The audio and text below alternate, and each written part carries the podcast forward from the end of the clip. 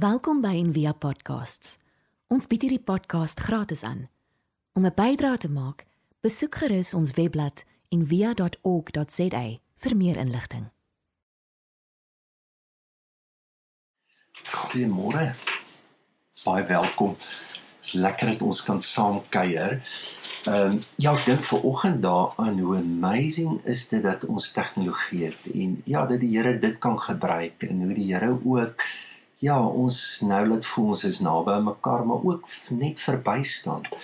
Ek verstaan dat baie van die doodsbegeleiding wat op die oomblik gedoen word, word op 'n iPad of 'n foon gedoen. Maar bloot omdat jy in isolasie is en dat ehm um, ja, jy kan nie by jou geliefdes wees nie. Ons ja, ons harte gaan uit na mense toe wat ja, ly wat ongelooflik bang is, wat onseker is en raak ook bewus van ons eie vrese wat amper gearresteer word en wat ook nou na vore kom waaroor ons gaan praat. So hierdie week ehm um, sê Pieter vir my sê dit voel soos 'n oorlog. Ehm um, ja ons moet wegkruip in ons huise. En ja, hierdie vyand is alomteenwoordig. En dis hoekom ons nou in isolasie ingaan en ons huise word op die oomblik ons loopgrawe. Ja, om te keer dat daar nog meer slagoffers gaan wees. Ja, net soos wat 'n oorlog enorme vrese bring, ehm um, ja, prikkel iets ook nou ons innerlike wêreld. En vir baie van ons gaan dit baie moeilik wees om alleen te wees. Vir introverte gaan dit seker bietjie makliker wees en dan ja vir mense wat 'n spiritualiteit het wat ehm um, kontemplasie beoefen of stilte beoefen afsondering wat deur die eeue is daar geglo dat dat so spiritualiteit is eintlik 'n noodsaaklike noem dit ontwrigting met God um, dat ons net tot ons sinne kan kom en God beter te kan sien wat wat binne ons woon en binne ons werk. So ja, ek dink die groot vraag wat ons almal vir mekaar vra, maar waar is God nou? So kom ons kom ons sê net miskien vir 'n oomblik dat die Here was teenwoordig en was ook bewus van al die enorme pandemies en epidemies wat daar deur die wêreld nog was. God was daar. So En wat nou gebeur met enige pandemie, moet daar afsondering wees. Um en dis wat nou gebeur en is nie anderster as die Bybelse geloofsgewoonte wat um, ons afgesny word van die geraas en van die besigheid om die Here beter te kan sien. So, ek ek wil net 'n paar dinge noem. In die eerste plek, wat kan ek nou verwag? Ons is in isolasie. Nommer 1, onttrekkingssimptome. Ons is verslaaf aan geraas en doen. En ons voel ons is en ons het betekenis en ons hele identiteit is in dit wat ons doen en om heeltyd besig te wees hiernatoe hiernatoe hiernatoe hiernatoe. So vir 'n oomblik ek luister na twee persone. Die een is Dallas Willard en in sy boekie Spirit of the Discipline Dis 'n is 'n baie baie oulike boek op bladsy 161 sê hy we can only survive solitude if we cling to Christ there. Nou hoekom sê dit? Dit is verskriklik moeilik. Enige iemand wat stilte en afsondering beoefen, sal vir jou sê, dis een van die moeilikste goed wat daar is. Dis teen ons programmering, teen hoe ons elke dag lewe. Now Henry Nouwen sê solitude is not a private therapeutic place. Rather, it is the place of conversion, the place where the old self dies and the new self is born. So, so dink hierdie is nie nou net 'n lekker tyd wat ek vinnig spiritual gaan word nie. Dis 'n plek van bekering. Die oomblik as jy in afsondering ingaan, is dit dit. En Henry nou net sê dis so steierwerk. So scaffolding. En alles waarmee jy jou lewe bou word nou weggeneem. En dan wat gaan gebeur is jou koppie gaan begin spin. En die ou kerkvaders het mos gepraat van 'n monkey mind. Dis hier na toe, dis daarna toe, dis daarna toe. En hy spring met woede, hy spring met welis, hy spring met irritasie. So, dis wat met elkeen van ons gebeur wanneer ons in isolasie begin lewe. Die tweede ding, jy gaan nou naby aan aan jou man, jou vrou, jou kinders wees. En gewoonlik is dit die plekke wat ons ook vermy. Want ons verloor ons vermoë met intimiteit en om hartskoneksies te maak. Hoekom? Ons is net so besig. So ons almal dra dinge wat ons graag wil sê wat ons net nooit sê nie. Want die omstandighede, die ruimte, die spasie is nie reg nie. En nou hierdie kan 'n spasie wees vir dit. Ja, en dan wat gebeur is 'n groeiende onsekerheid ook verwag dit um, met die wêreld. Ek weet ons almal kyk na die grafieke, kyk wat gebeur. Um, niemand weet waarna toe dit nou gaan nie. En dit sê ook iets vir ons jy kan dit nie beheer nie. En dit is ook die gawe wat stilte in in afsondering gee is presies dit. Dit dis die grootste boodskap wat jy kry is dat jy nie in beheer is nie. En um Richard Rohr sê altyd maar dit is die groot rede hoekom die Here in stilte werk want dis die enigste tyd wat ons dit nie meer kan beheer nie. Dit gee God kans om God te kan kan wees. So, die 21 dae lê voor. So wat doen ons? Ek ek wil net afsluit vinnig met drie goed. In die eerste plek eer die spasies tussen ons. Ja, ons weet van hande was, ons weet nou van bly by jou huis, doen dit.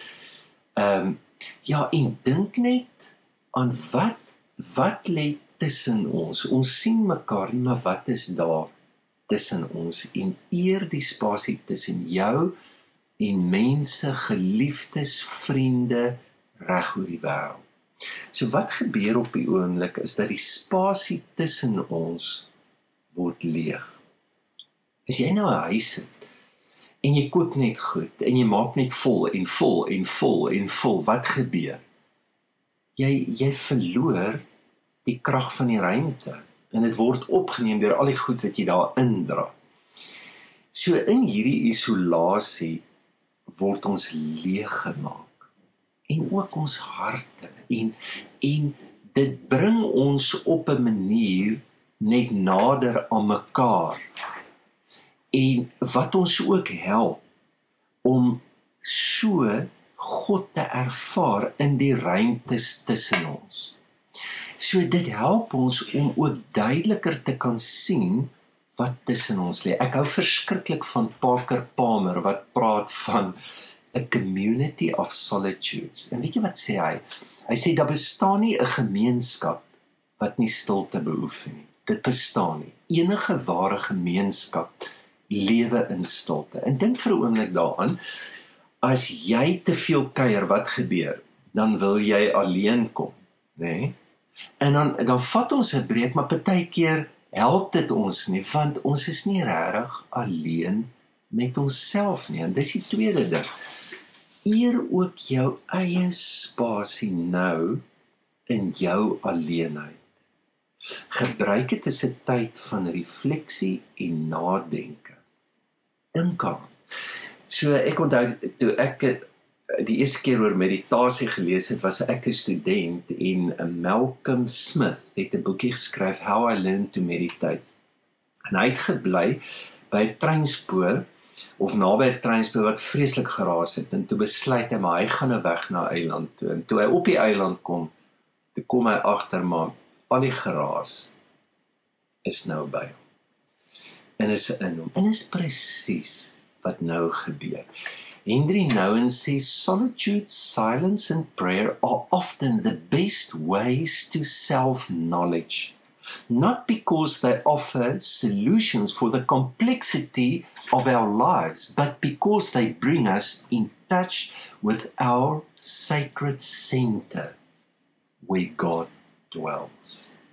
So, jy gaan nader kom aan wie jy werklik is, maar ook in al die goed van hoe maklik ons ontvlug en wegkom om na daai plek toe te kom waar ek is want binne my eie geskaapenheid ontmoet ek ook die Here. So maak ruimte en tyd vir jouself.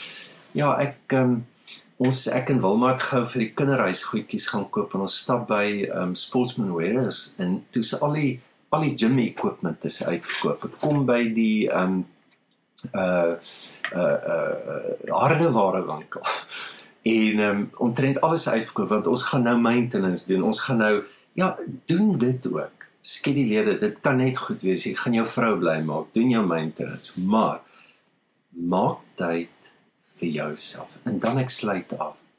Vra God vir hoop. Hier is 'n tyd van hoop. Ek lees Robin Myers, hy sê if else if else is a civilization that meant to survive, it will have to restore the ancient art of hoping. Daar's 'n enorme tradisie van mense wat in die moeilikste moeilikste tyd gelewe het wat gehoop.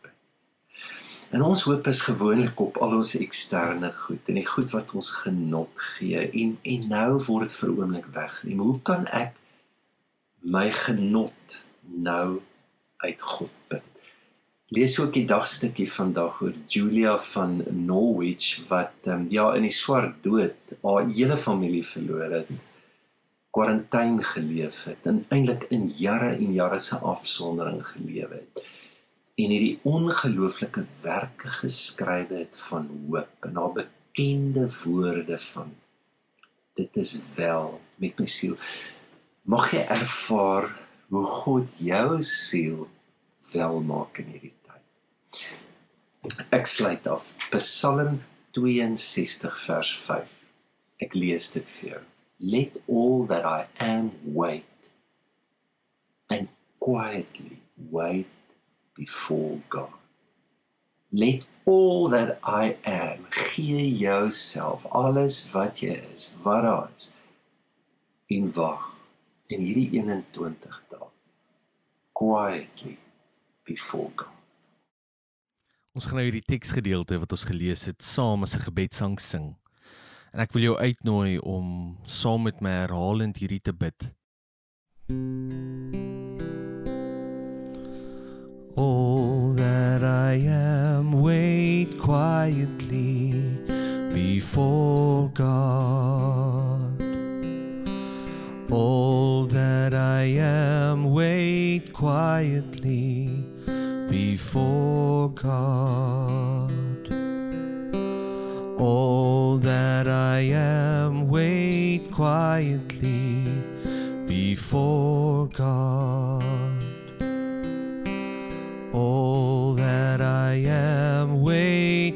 Quietly before God. All that I am, wait quietly before God. All that I am, wait quietly before God. All that I am, wait quietly before God. All that I am, wait quietly before God. All that I am, wait quietly before God. Wait quietly before God. All that I am, wait quietly before God. All that I am, wait quietly before God. Am, wait quietly before God. All that I am, wait quietly before God. Ontvang sy seën. Mag jy ervaar hoe hy nou in hierdie 21 dae in afsondering en isolasie. Die spasies tussen jou en ander seën maar ook die spasie tussen jouself. Mag jy tot jouself kom tot God kom en tot ander kom. Leef nou in sy vrede. Amen. Ons hoop van harte jy het hierdie podcast geniet of raadsaam gevind. Besoek gerus en via.ok.za vir meer inligting